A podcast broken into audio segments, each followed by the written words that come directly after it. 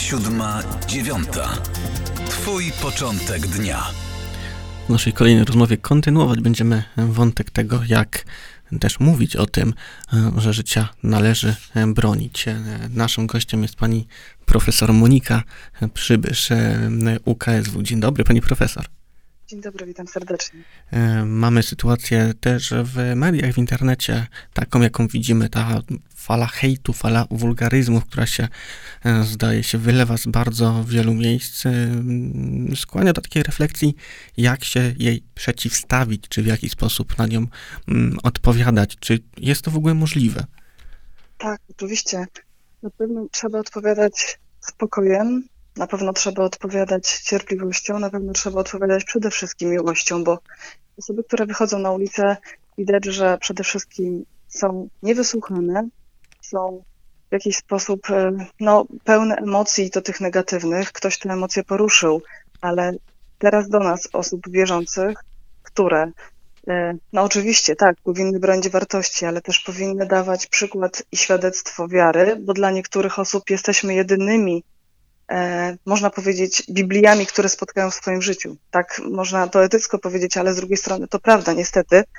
Kiedy jesteśmy e, narażeni też na ataki, to tak naprawdę zło dobrem zwycięża i to jest e, ksiądz Jerzy Popiełuszko. Tutaj nie mamy innej drogi, jak pokazywać dobro i być tym dobrem dla tych ludzi też. Czyli no właśnie nasze zachowanie, nasza odpowiedź, ale też wysłuchanie głosu ludzi, którzy, którymi targałem silne emocje. No, internet to w sumie w zasadzie dzisiaj tylko i wyłącznie emocje. Ta emocja rozchodzi się przez platformy społecznościowe, ale też często przez komunikatory, czy to firmowe, czy wewnętrzne. Udziela się też w różnych, w różnych miejscach. No, pani profesor, jako ekspert od komunikacji, tutaj um, może ma jakiś pomysł, w jaki sposób też tą komunikację budować poza wysłuchaniem, czy e, jakieś takie twarde deklaracje ze strony ludzi wierzących, jestem za życiem, e, są pomocą stawianie zdjęć profilowych, mówienie o tych akcjach pomocowych Kościoła również. E, czy to może pomóc, czy wprost przeciwnie, podburzyć się do kolejnych konfliktów? Na pewno trwa trzecia wojna nakładkowa, to znaczy rzeczywiście takie określenie wymyślił mój bratanek, ale to jest prawda. Pozdrawiamy bratanka, bardzo, bardzo dobre określenie. E, niestety to jest tak, że ten, kto wymyślił e, wszystkie te nakładki, miał na pewno dobre intencje, żeby pokazać coś bardzo wartościowego. To znaczy, że jeśli ktoś jest za życiem, to będzie tego życia bronił. Natomiast e, mam takie wrażenie, że oprócz komunikacji wiele osób ustawi sobie to zdjęcie profilowe, chętnie porozmawia o tym i na tym się kończy właściwie całe zaangażowanie.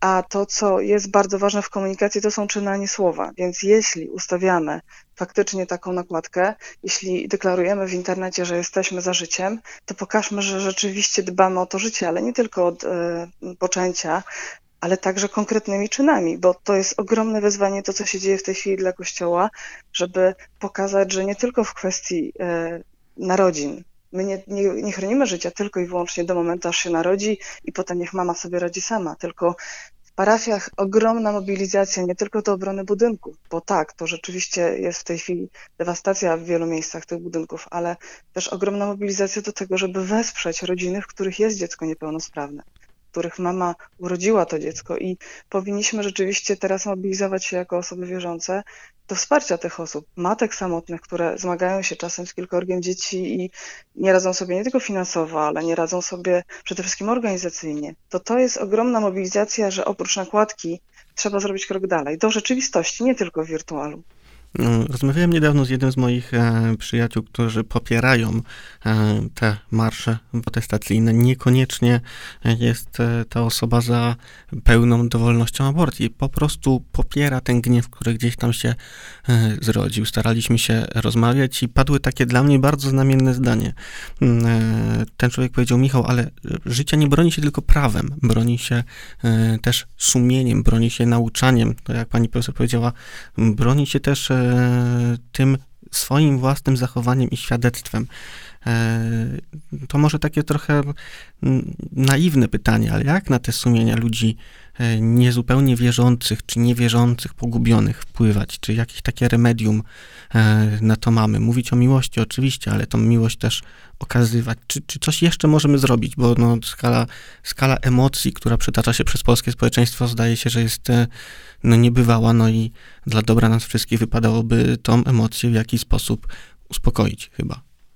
Tak, na pewno trzeba przede wszystkim świadczyć własnym życiem, bo jeśli my mówimy e, rób tak, rób tak, e, rób inaczej, to to będzie pouczanie. Natomiast to, czego potrzeba w sferze publicznej, to rzeczywiście świadectwo życia. Dlaczego ja wierzę? Dlaczego jestem człowiekiem, który będzie bronił tego życia? Dlaczego e, Jezus Chrystus jest ważny w moim życiu? To jest pierwsza rzecz, to jest kwestia rzeczywiście świadectwa. Tego się nie da podważyć, bo nikt nie może decydować, jakby dyskutować nawet z tym, że ja wierzę, ponieważ ja wierzę, ponieważ Jezus zmienia moje życie. To jest pierwsza kwestia. Nie pouczać innych, nie mówić, jak inni mają żyć, tylko pokazywać, jak zmienia e, Chrystus nasze życie.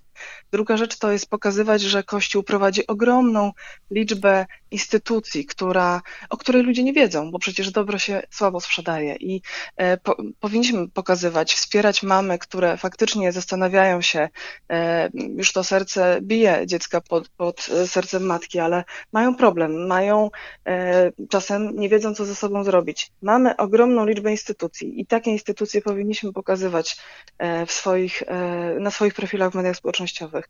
Fundacje, które zajmują się dziećmi, których nikt nie chce. E, dom, który prowadzą siostry dla chłopaków z niepełnosprawnościami. To są właśnie E, informacje, które powinniśmy teraz udzielać w spokojny sposób. Oczywiście tam będzie dyskusja. Ktoś, kto wchodzi w internet, zawsze spotka się z hejtem. To nie jest tak, że jesteśmy chronieni w jakiś sposób. Nawet jeśli mamy tylko same wierzące osoby, to te informacje i tak zostaną udostępnione do osób niewierzących, tych, które nas nie obserwują.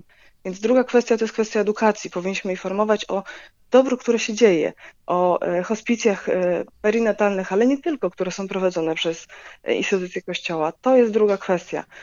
I trzecia rzecz, którą powinniśmy robić tak naprawdę, to rzeczywiście uspokajać, apelować o ten pokój. Ale ogromna rzecz, modlić się. Ilu z nas codziennie modli się o pokój w Polsce, o pokój na świecie, o wsparcie tak naprawdę dla tych osób, które są pokrzywdzone. Jeśli nie możemy z jakiegoś powodu wspierać osoby niepełnosprawne czy rodziny, w których ta niepełnosprawność się pojawiła, i to nie zawsze od urodzenia, czasem na skutek tragicznego wypadku, to rzeczywiście powinniśmy się modlić chociażby za te rodziny. Powinniśmy starać się, nie wiem, w jakikolwiek sposób osoby na wózkach na przykład e, pomóc przetransportować do kościołów. Może ta pandemia jest trudna i, e, to nam uniemożliwia, ale mamy takie środki, mamy modlitwę, mamy post, może, mamy jałmużnę, możemy wspierać finansowo te osoby i te rodziny, po cichu tak naprawdę. Możemy zorganizować zbiórki w parafiach dla takich rodzin, w których rzeczywiście ta niepełnosprawność jest, więc narzędzi mamy bardzo, bardzo wiele. Tylko rzeczywiście trzeba zacząć działać. I to, co jest w Kościele niezwykle ważne, to wspólnotowo, nie pojedynczo. My przecież mamy bardzo ważny element wspólnoty. Jesteśmy Kościołem, jesteśmy grupą. Skrzyknijmy się razem, tak jak skrzykują się teraz osoby, które e, z modlitwą bronią budynków Kościoła. Tak powinniśmy się skrzyknąć do dobrych akcji i poszukać e, w parafiach tych osób, które po prostu trzeba, warto i należy wspierać. Takich akcji też w mediach społecznościowych jest wiele, chociażby grupy e, Niewidzialna Ręka, które powstają w różnych e, miastach w Polsce, gdzie często młodzi ludzie przynoszą czy pomagają ludziom starszym w tym czasie też pandemii i epidemii koronawirusa. Najniezbędniejsze rzeczy, czyli jednym słowem świadczyć, świadczyć, E, świadczyć. Bardzo dziękuję pani profesor. E, pani profesor Monika Przybysz, UKSW, była moim państwa gościem. Mam nadzieję, że usłyszymy się jeszcze w tej audycji nie raz, pani profesor. Dziękuję bardzo. Wszystkiego dobrego dla państwa. Siódma, dziewiąta. Twój początek dnia.